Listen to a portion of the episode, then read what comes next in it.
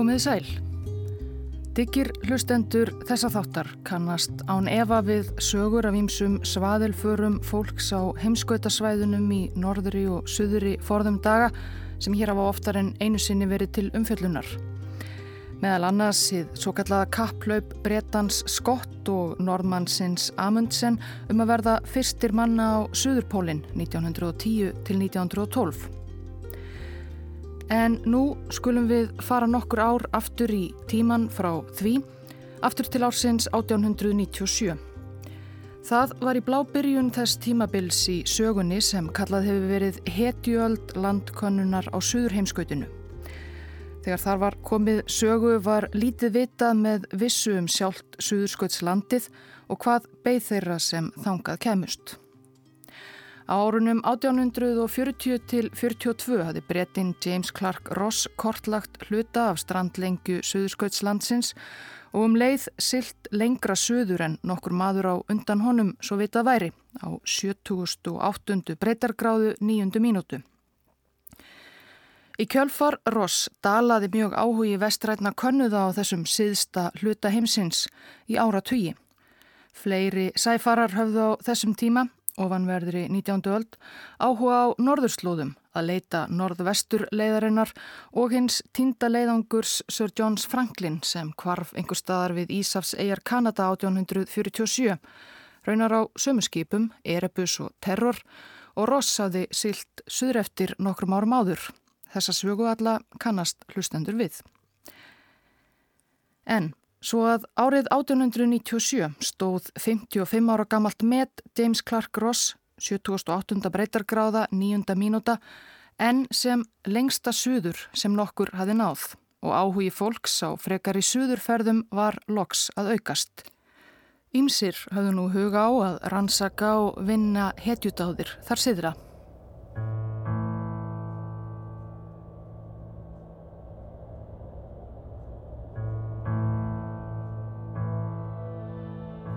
Þar á meðal var maður að nafni Adrian de Gerlas de Gomeri, fættur í austanverðri Belgiu 1866. De Gerlas, kominn af herfóringum margar kynnslóðir aftur í tíman, var frá unga aldri afhuga herrmennsku en hugfanginn af sjónum og syklingum. Á táningsaldri reði hann sig sem káetu drenga og farþegarskip sem sildi yfir Allandshafið og gekk tvítugur í belgíska sjóherin eftir að hafa flosnað upp úr verkfræðinámi í háskóla Hafið kallaði á hann. Næstu árin sildi Adriende Gerlas víða á ímiskonar flegjum, flestum erlendum, yfir Allandsaf til Suður Ameríku á miðjarðar og Svartahafi. 28 ára gammal 1894 var hann búinn að vinna sér inn skipstjóratign á farþegaferju sem sildi milli Belgíu og Englands. En að sigla þann spotta fram og tilbaka dag eftir dag var ekki alveg hitt æsilega sjómannslíf sem De Gerlas hafði þráð frá barsaldri. Hann vildi ævintýri. Ekki löngu eftir að skipstjóra titillin var í höfn bauð konungur Belgiu Leopold Annar honum stöðu við siglingar á Kongofljóti í Afriku þar sem konungurinn var í óða önn að leggja undir sig stór landsvæði með fyrirlitlegu valdi og ofbeldi. Það hefði vísast verið ævintýri en syklingar í ferskvatni heitluðu þetta gerlas alls ekki. Það var bara hafið og helst hafði hann áhuga á kaldari slóðum en heitasta Kongo.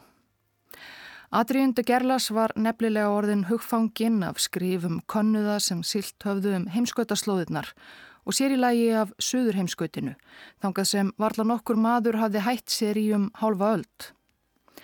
1891 hafði De Gerlas frétt að sænskur landkönnuður Adolf Erik Nordenskjöld væri að skipulegja leiðangur til Suðursköldslandsins og skrifaði honum um sögalaust og bauð fram krafta sína. Nordenskjöld svaraði aldrei brefum belgans unga og ekkert varð síðan úr þessum sænska leiðangri. Svo að De Gerlas fór með tímanum að hugsa, er þið hann ekki bara að gera þetta allt saman sjálfur? Skipuleggja sinn eigin belgíska leiðangur á Suðurskjöldslandið.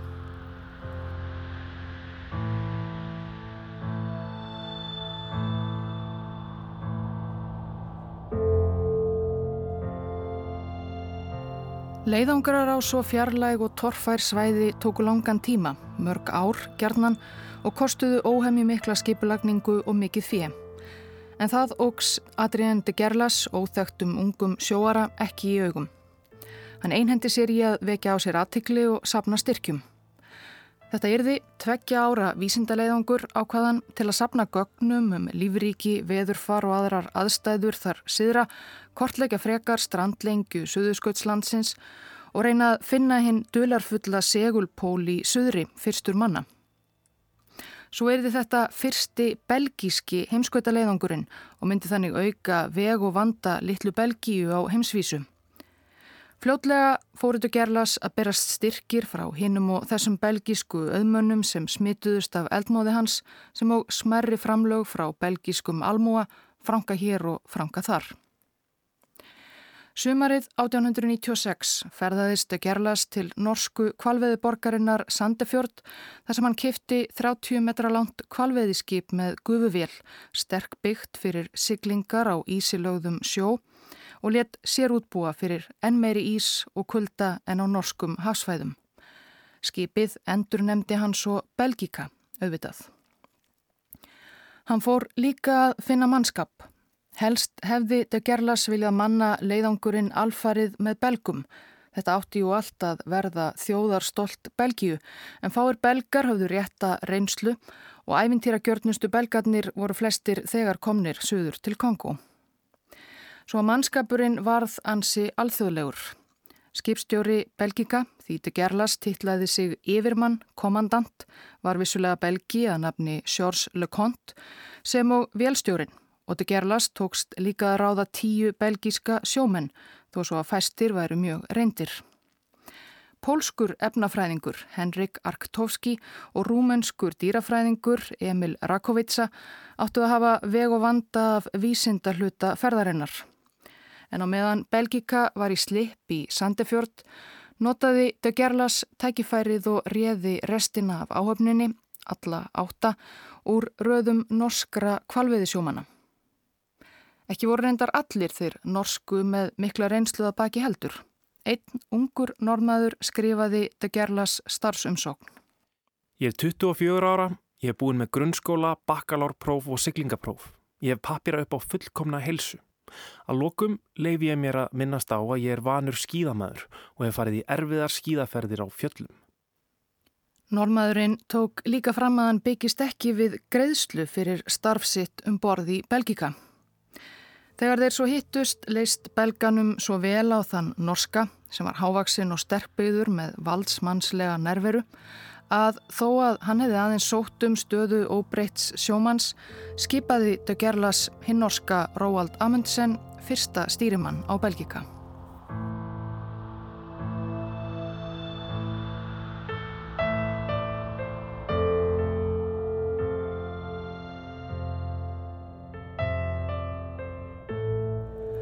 Róald Amundsen hafði þarna farið í tvær ferðir með selveðiskipum í Norður Íshafi en hafði svo gott sem alla sína ungu æfi verið að búa sig undir að vinna afreg við heimskautsbögg. Líkt og segir frá í öðrum þætti af fjórum um kapplaupið á Suðurpólinn var Amundsen einnig hugfangin af hetju og hamfara sögum frá heimskautasvæðunum. Hann stundaði mikla líkamsrækt frá unga aldri til að undirbúa sig, skýðaði sem óður og svaf ætið við galopin glukka til að venjast kulda. Hann hafði bóðið sig fram til að vinna kauplaust fyrir fjölda heimskauta leiðangra en aldrei borið árangur sem erfiði fyrir nú.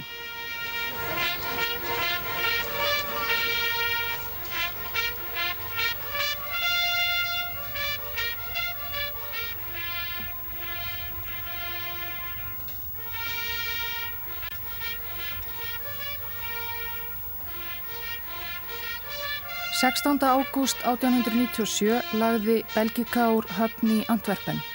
20.000 belgar mættu á hafnarbakkan til að hveðja verðandi heimskautahetjur. Adrien de Gerlas var 31 árs. Þryggja ára stífum undirbúningi var lokið þó svo að takmarkið væri enn mörg þúsund kílometra undan fannst honum hann strax vera sigurvegari. Mart hefði þó mátt betur fara á loka metrunum Honum hafi tekist að ráða nægilega marga belgíska sjóliða til að standast kröfur styrtar aðila sinna en hafi kannski ekki kannad bakgrunn þeirra allra nægilega.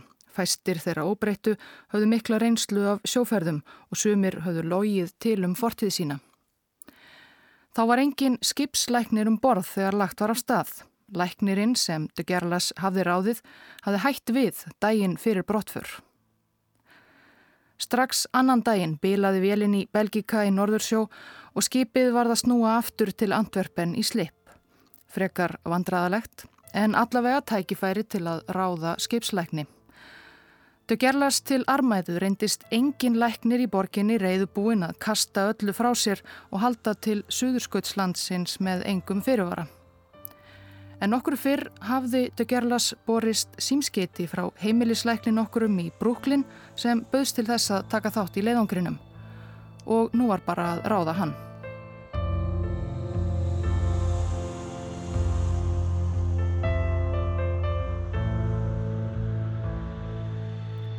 Doktor Fredrik Cook var reyndar ekki bara heimilisleiknir. Hann var æfintýramaður og hafi verið læknir í leiðangri landasíns Roberts Peri þegar hann kortlagði norðanvert Grænland 1891-92. Þá hafi Cook aldrei ferðast út fyrir New York ríki en sannaði sig þó fljótt. Hann vingaðist við innfætta Inuita og stútiraði bæði trúarhefðir þeirra og lifnaðarhætti og varð þess fullviss að til að lifa af á þessum harðbílu slóðum erði hinn vestræni maður að læra af heimamönnum. Heima í Brúklinn gekk læknastofa hans ágætlega en hann dreymdi stöðugt um að leggja í annan leiðangur, nú helst Suðróbógin. Og þegar hann sá smá frétt í blaðinu um yfirvofandi leiðangur belga nokkurs til Suðursköldslandsins, greip hann tækifærið.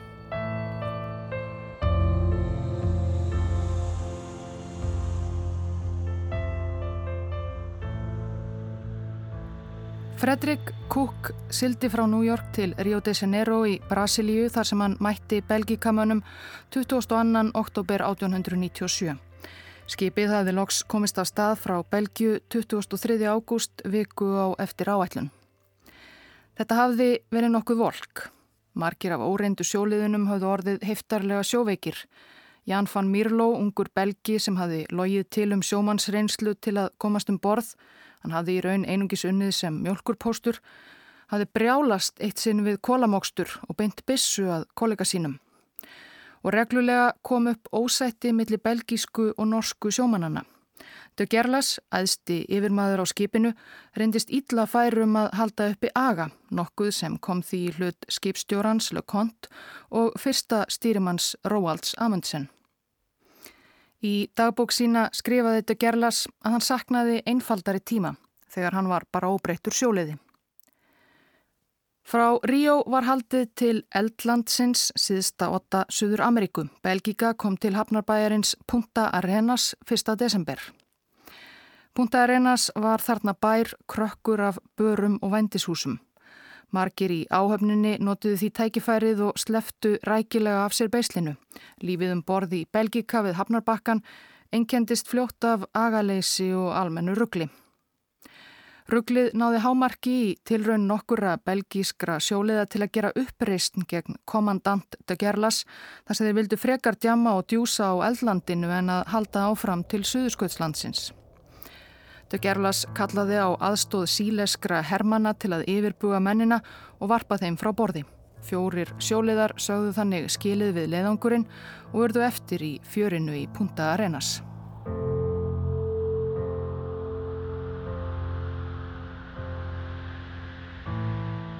Áform de Gerlas voru að sigla suður frá eldlandinu og kanna fyrst svo kallað Greihamsland á norðanverðum suðurskauts skaganum sem tegir sig til norðurs í áttað Suður Ameriku.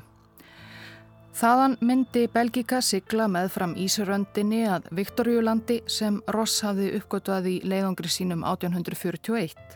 Þar myndu vísindamenn leiðangursins stunda rannsóknir sínar um hríð og þar var einnig talið að segulpólinn væri að finna. En Belgika myndi svo hörfa til Ástralíu áður en suðurskautsveturinn skilli á og skipið ætti á hættu að festast í hafís. Að hafa vetursetu á suðurskautslandinu hafði engin reynd og leiðangursmenn á Belgika höfðu engan hug á að verða fyrstir. En tafir gerðu það verkum að þessi áætlun fór að líta æg óraunsæri út. Fyrst var það vélarbiluninn í Norðursjó, svo uppreysnar tilraun í Punta Arenas. Siklingin þaðan söður sótist líka hægt.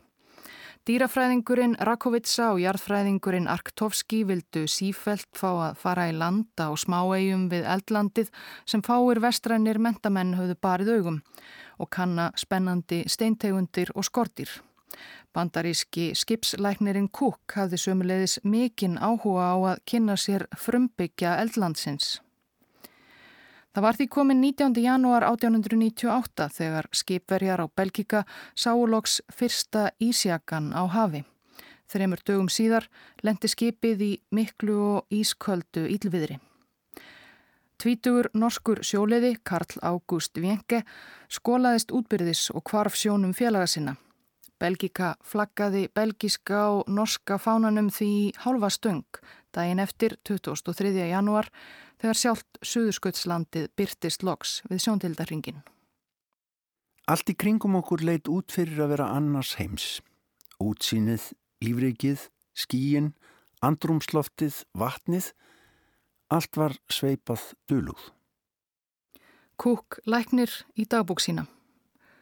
Næstu daga sildi Belgíka hægt milli Suðurskölds skagans og ísilagðra eiga þar í kring sund sem nú heitir Gerlas sund eftir leðtóa mannana sem fyrstir sáu þetta kingimagnaða landslag. Ferðin sóttist seint. Aftur og aftur var farði í land til að taka myndir og síni, virða fyrir sér mörgæsir og aðra förðufugla.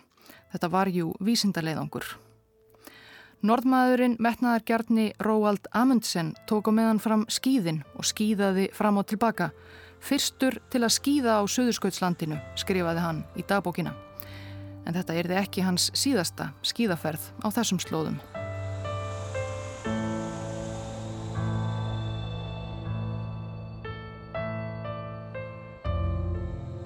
Veðrið í janúar var frekar skaplegt og bjart næstum allan sólarhingin.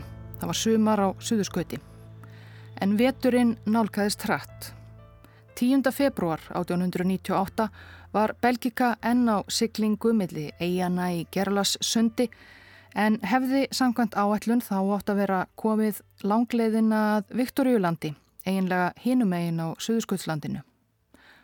Það kólnaði nú hratt og næturnar urðu sífælt lengri. Með þessu áframaldi er því Belgika sennað snúa við og halda í hlýra haf og De Gerlas myndi þá ekki takast að skrá sig á spjöld sögunar, hvorki með því að finna segulpólinn nýja komast lengra söður en James Clark Ross hafi gert fyrir hálfri öld.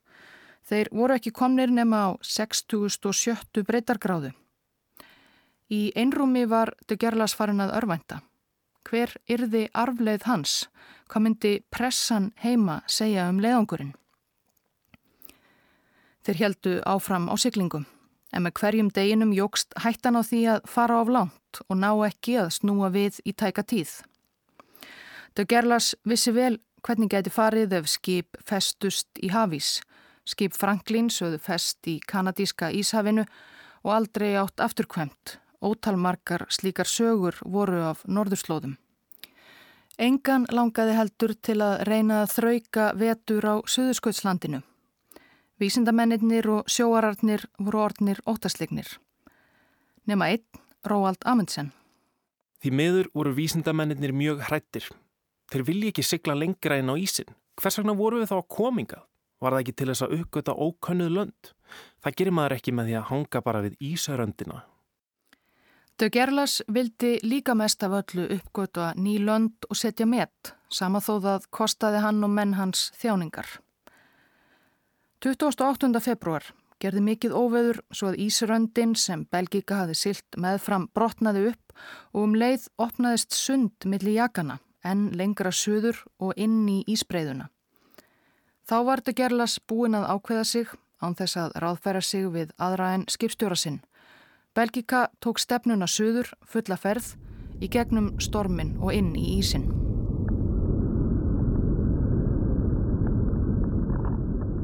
Við erum komnir í annan heim, eins og hetjur norrænu sagnana hafa ríkaleg góðinn látið okkur þóla yfir náttúrulegar þrautir.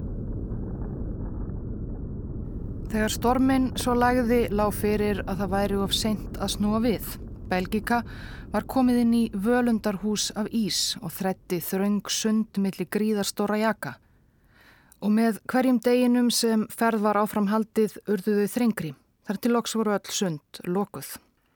Morgunin 7. mars 1898 var Belgika orðið pikkfast í ísnum umlukið kvítri auðun. Í raun erum við jafn vonleisislega einangraðir og ef við værum á yfirborði mars og við hættum okkur dýbra og dýbra inn í kvítu þögnina.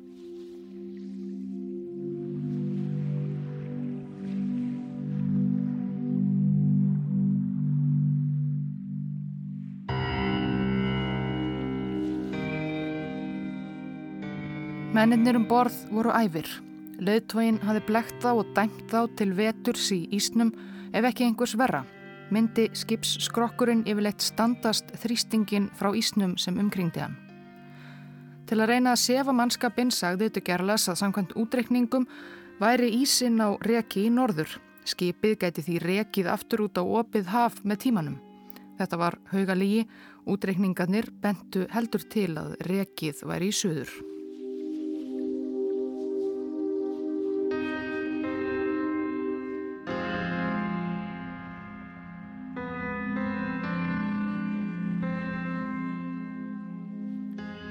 Það var engrar undankomu auðið. Mennirnir átjánum borði í Belgika fóru að búa sig undir veturinn. Þeir hlóðu snjói kringum skipskrokkin til að einangra vistarverur sínar. Hversu kallt yrði einlega yfir háveturinn vissi engin. Þegar um hægðist fóru mennirnir að fara í veiðiferðir út á ísbreyðuna og veittu bæði seli og mörgæsir með ýmsum leiðum. Auðveldar bráðir, dýr sem aldrei höfðu lært að óttast mannin. Veiðin var þó aðalega hugsuð sem dagradvöl og líkamsrækt, eitthvað urðu þeir að hafa fyrir stafni. Vísindamennir rannsökuðu innvól stýrana en kjötið lagðu þeir til hliðar. Það voru nægar vistir til um borð. Og þó að mennir erðu fljótt leiðir á niðursuðu vörunum sem þeir fengu á hverju kvöldi, hvort sem stóð á dósunum gullas, norskar kjötbólur eða fiskibólur þá virtist þetta meir og minna allt vera sama gumsið, Þá hafðu mennirnir fæstir mikinn áhuga á að leggja sér kjött mörgæsa til munns. Það höfðu nokkrir fyrri sæfarar á suðurslóðum gert og kjöttið sem var illa þefjandi og ramt ekki fengið góða dóma. Fyrir forvitnisakir reyndu nokkrir skipverjar þó að smakka á örlittlu elduðu mörgæsarkjöti. Það fjall ekki í kramið. Ef hægt er að hugsa sér nautakjött, ítla lyktandi þorsk og dúgönd stekta saman í potti með sósu úr blóði og lísi, er svo lýsing nærri lægi. Það bætti kannski ekki úr skák almennt að skipskokkurinn hafi verið eitt þeirra uppreysnarmanna sem var rekin á eldlandinu og eldamennskan því höndum sjóliða sem þótti ekki hafa mikla hæfileika í fæinu. Sá eini sem virtist kunna að meta mörgjasa kjöttið var Amundsen. Já, Frans á eini sem átt niðursóðnu norsku kjöttbólutnar með bestu list. Því verra, því betra, virtust vera engunar orð unga normannsins. Við erum orðnir ólýsanlega leiðir á þessum endalösu óveðrum. Kúk læknir í lok mars eftir tæpan mánuð í Ísnum. Dögum saman snjóaði svo að segja stöðugt örfínum snjókornum sem feiktust harkalega um og smugu allstaðar inn, undir fötin okkar, inn í káeturnar, í gegnum minnstu samskeiti á gluggum og dyrum. Oft og lengi komust mennetnir ekki upp á þilfar vegna ílviðris og það var lítið hægt að gera eða hreyfa sig um borði þröngu skipinu.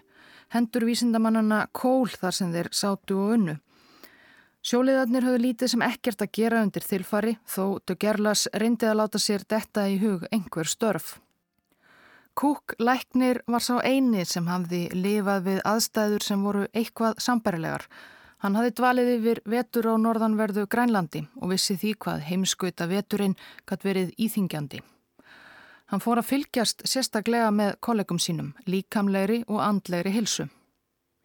Þeir voru fljótt komnir með ógeð á matnum og helvítis kjötbólunum. Þeir þráðu ferst kjött, já og félagskap kvennfólks. Einungis Amundsen virtist vera algjörlega kynlaus. Hann stitti sér kátur stundir með því að yfirheyra kúkum lifnaðarhætti innúíta og draga upp metnaðarfull áformum frekari ævintýraferðir á suðurskautinu.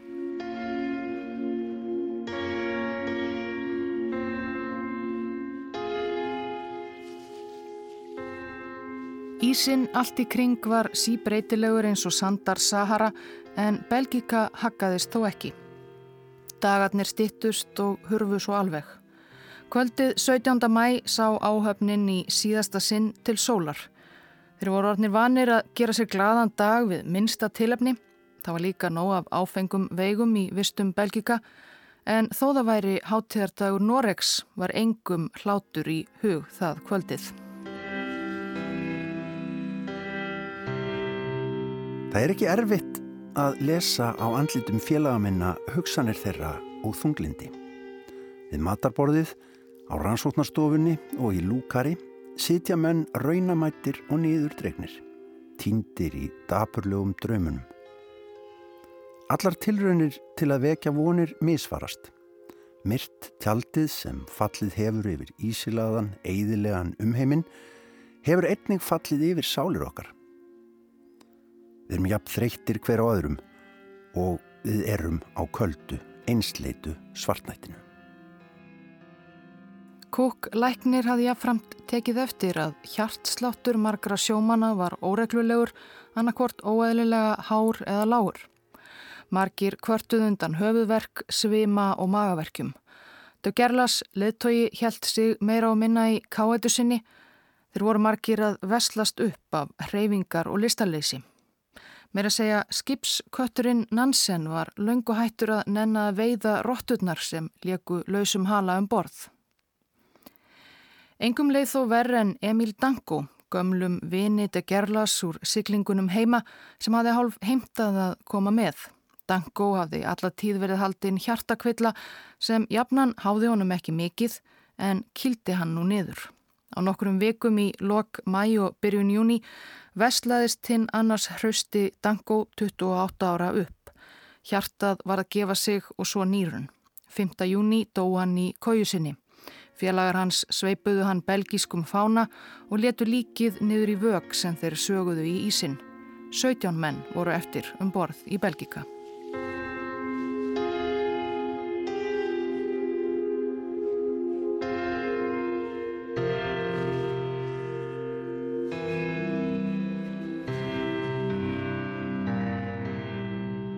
Andi hins látna Danko sveif yfir skipinu.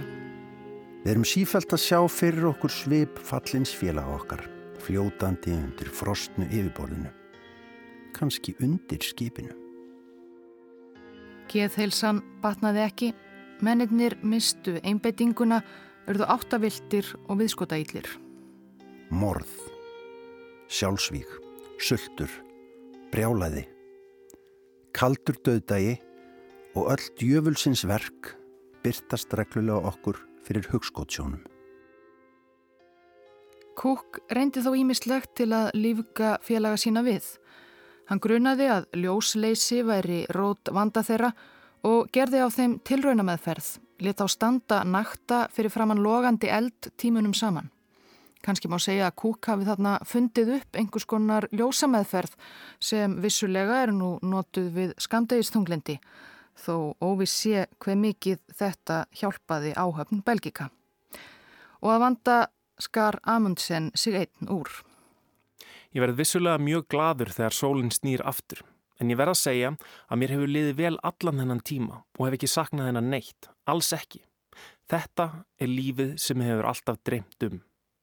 Sólinn fór að láta sjá sig að nýju í lok júli, en ástandið um borð batnaði lítið. Mennirnir voru margirnær alveg rúmlikjandi, fölir og bólnir. Kúk lækni grunaði nú hvað hrjáði þá helst þó hann þyrði valla að segja það upphátt. Skirbjúur var algengasta dánarórsök sjómana á árum áður en var þarna undir lok 19. aldar orðin sjálfgefari vágestur. Skirbjúur orsakast af langvinnum sévitaminskorti en það var þarna enn óþægt.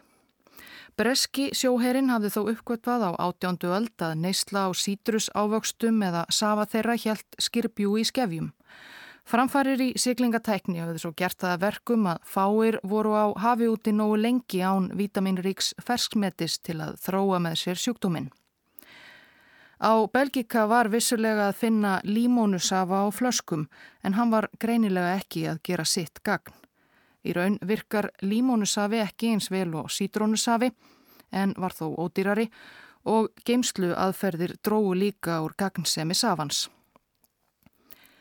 Cook let nú hugan kvarla aftur til síðasta heimskautavetrar síns. Það var lítið um límónur á norður Grænlandi eða aðra ávexti. Enguða síður hafði hann ekki orðið var við nokkuð skirbjúg meðal inúítanna sem hann kynntist þar Þeir borðuðu nær engöngu kjött og spik, oftar en ekki rátt. Cook vissi ekki hvað það var, en það var þess virðið að reyna. Hann fyrirskipaði áhöfninni að borða kjötið af mörgæsunum sem þeir höfðu veitt sér til gamans fyrrum veturinn sem lág en frosið í ísnum fyrir utan skipið.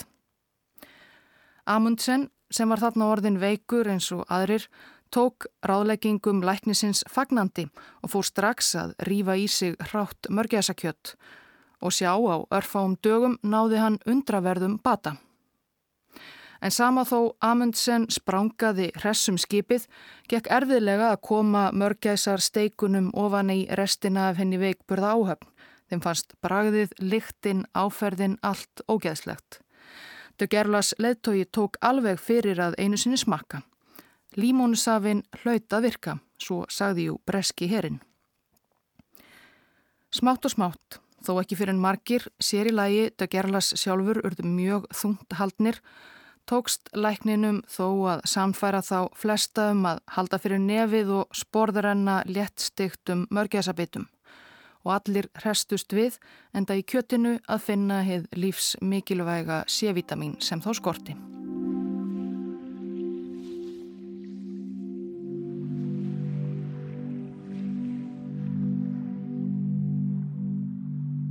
Þrátt fyrir að líkamleg heilsa um borð batnaði gerði andleg heilsa það ekki, jafnvel með hækkandi sól. Það var enn fimpulkallt og Belgika var enn pikkfast í ísnum. Norskur sjóliði Adam Tollefsen síndi merki ofsóknar brjálaðis, nötraði af hræðslu við minsta hljóð úr skipskroknum og forðaðist aðra. Hann talar ekki.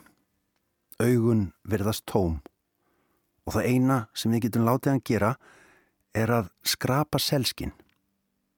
Jável þá gerir hann varla neitt. Eftir tíu mínútur trommar hann með nýpnum á skinnið og horfir áttaviltur í kringum sig. Tollefsen fór svo að óttast félaga sína svo mjög að hann kom sér fyrir í lestarrými skipsins, svaf þar í myrkri og kulda innan um rótturnar og af og til fundu félagar hans hann á villukendu ráfi um ísbreyðuna fyrir utan.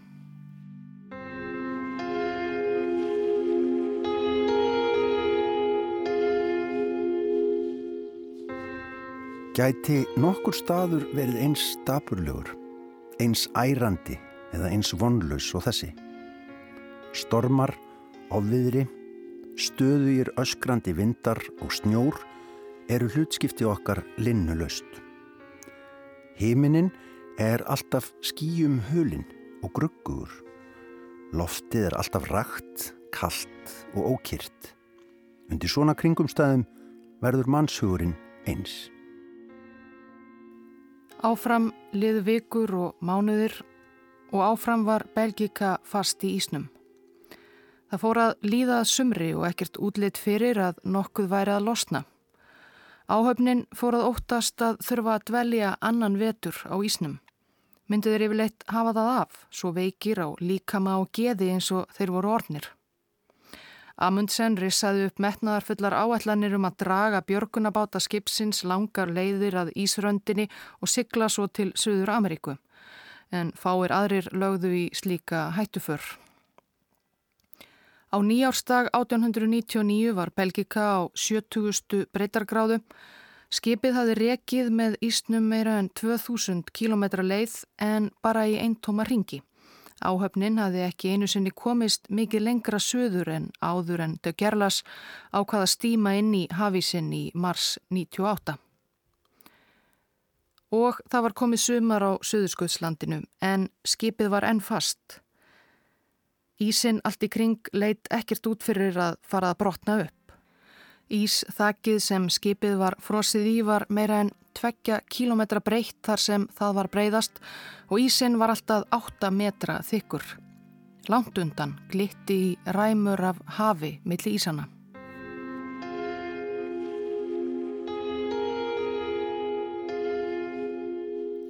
Í janúar 1899 var orðið ljóst að eitthvað yrði til bræðs að taka til að koma í vekk fyrir annan vetur í Ísnum sem Kúk lækni alltjent þótti fullvíst að áhöfnin myndi ekki lifa af.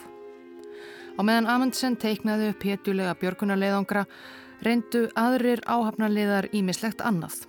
Svo sem að koma sprengjefni fyrir undir ísnum í gegnum vög í vonum að sprengja skipinu leið til hafs. Það bar ekki árangur. Að lokum fekk svo hinn veikburða leðtogi Adrien de Gerlas hugmynd sem hljómaði gjörsamlega galinn. Um borði Belgika voru nokkrar ísægir sem fyrri eigendur norskir kvalveiði menn hafðu skilið eftir. Hugmynd leðtóhans var einfaldlega að saga í gegnum ísin og búa til skurð fyrir skipið að sigla í gegnum. Ísin við skutt skipsins var frekar þunnur, ekki nema 1-2 metrar og þaðan var um 700 metra leiðað næsta sundi, opnu svæði í Ístegjunni. Þetta hljómaði eins og algjört glabræði, en þetta var betra en að býða bara eftir döðanum.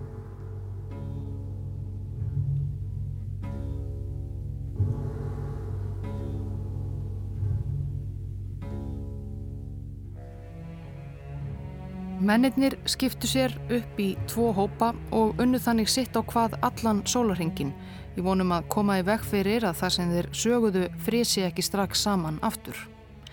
Það var hvortið þeir sól allan sólarhingin þarna. Þeir byrjuðu við minni skipaskurðarins verðandi, söguðu og söguðu og dróðu svo með reipum nýþungan ísin sem losnaði milli bakkana eða sprengdu hann í sundur. Þetta var algjör þrælavinna. En átakið gaf mönunum þó langþráðan tilgang, móð og vonum að losna einhver tíman úr helsi ísins. Þeir voru þreyttir en urðu í raun hressari og áfjáðari í mörgjasa kjöt en nokkru sinni fyrr. Líf færðist í líkama þeirra á nýjanleik. Og vinnan var galinn en hún gekk.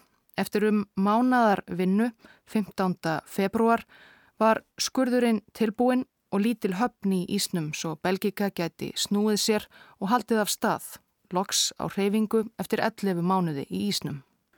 Án frekari fyrirstöðu siglum við sigur sælir að opnu hafi.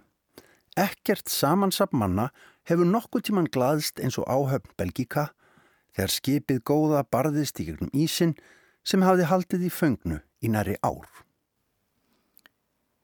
Við tók þó bara völundarhús Ísins aftur. Það var enn meira en 10 km sigling út á hið opna haf. Belgika þurfti nú að þræða varlega sund millir stærstu ísjakarna og brjóta sér leiði gegnum og yfir þá minni sem skullu með ölduganginum á skrokki gamla kvalviði skipsins frá Sandefjörd. Skipið titrar eins og lauf í vindi, skrifaði Amundsen í dagbók sína. En Kúk Læknir, alltaf hugmyndaríkur, hengdi mörgæs að skrokka yfir borstokkin til að nota sem stuðara. Og þannig tókst það að endingu 14. mars 1899 sildi Belgika út úr völundarhúsinu og við sólaruppbrás 28. mars kom það til hafnar í svallbænum Punta Arenas á Eldlandi. Þeir hafðu ekki komist lengra söður en fyrirrennarar þeirra. Þeir hafðu ekki fundið segulpólinn í söðri en þeir voru á lífi. Svo gladir voru áhafnarliðar að finna fasta land undir fótum að þeir byrjuðu á að velta sér í sandinum við strandina. Riðuðu svo óstyrkum fótum í átt til byggða.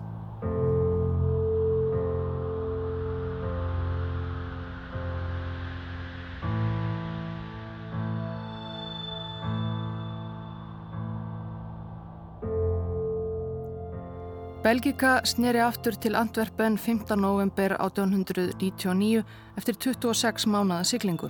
Mannfjöldi hildi Adrien de Gerlas við heimkomu þrátt fyrir að honum hefði ekki tekist að komast lengst suður allra. De Gerlas var lengi að ná sér að fullu af skirbjúg og öðrum kvillum en tók síðar á æfinni þátt í nokkrum ferðum á norðurslóðir. Ferðin var síður en svo til einskis. Það tók vísindamenn áratögi að vinna ár öllum þeim gögnum og sínum sem áhafn Belgika aflaði á ferðsinni söður eftir.